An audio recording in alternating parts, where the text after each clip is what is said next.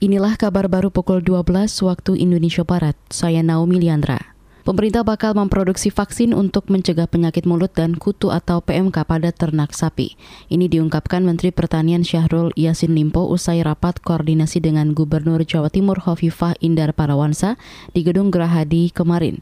Rapat tersebut menindaklanjuti temuan wabah PMK di empat kabupaten di Jawa Timur, yakni Gresik, Lamongan, Sidoarjo, dan Mojokerto. Dan prestasinya insya Allah ini hari atau besok akan keluar. Nah, sesudah itu baru kita tentukan seperti apa apa vaksin yang cocok dan kemungkinan saja vaksinnya akan tadi Ibu Gub uh, Jawa Timur kita buat sendiri aja seperti yang lalu ternyata cukup ampuh. Menteri Pertanian Syahrul Yassin Limpo menambahkan karantina atau isolasi desa akan diberlakukan begitu ada temuan hewan terjangkit PMK. Syahrul meminta masyarakat tidak panik karena penyakit tersebut tidak menular ke manusia. Dirjen Tanaman Pangan Kementerian Pertanian Suwandi mengapresiasi inovasi pupuk organik dengan teknik biosaka hasil besutan Ansar, petani Blitar, Jawa Timur. Nama Saka merupakan kepanjangan dari selamatkan alam kembali ke alam. Itu sebab pupuk ini dibuat dengan bahan dasar alami yakni rumput.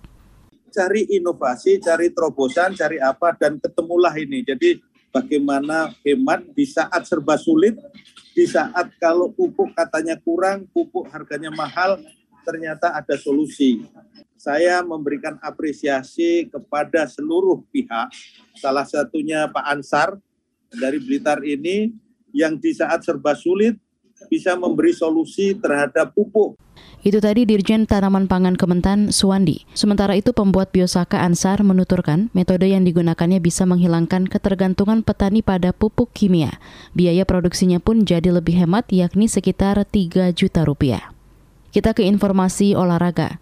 Tim Piala Uber Indonesia dipastikan menang atas Jerman pada laga kedua penyisihan grup. Saat ini pertandingan masih berlangsung tetapi skuad Merah Putih sudah unggul 3-0 dari 5 partai. Komang Ayu Cahya Dewi sukses menjalankan tugasnya sebagai pembuka jalan. Pemain PB Jarum ini mengalahkan pemain dengan peringkat lebih tinggi, Ivon Lee, dua set langsung 21-15, 21-13. Di partai selanjutnya, ganda pertama Febriana Dwi Puji Kusuma Amalia Cahaya Pratiwi menambah keunggulan dengan menundukkan Linda Evler Emma Moskinki 21-11, 21-2. Kemenangan tim Indonesia disegel oleh tunggal kedua Aisyah Fatetani yang menang atas Anne Catherine Sporoi 21-7, 14-21, dan 21-14. Demikian kabar baru KBR, saya Naomi Liandra.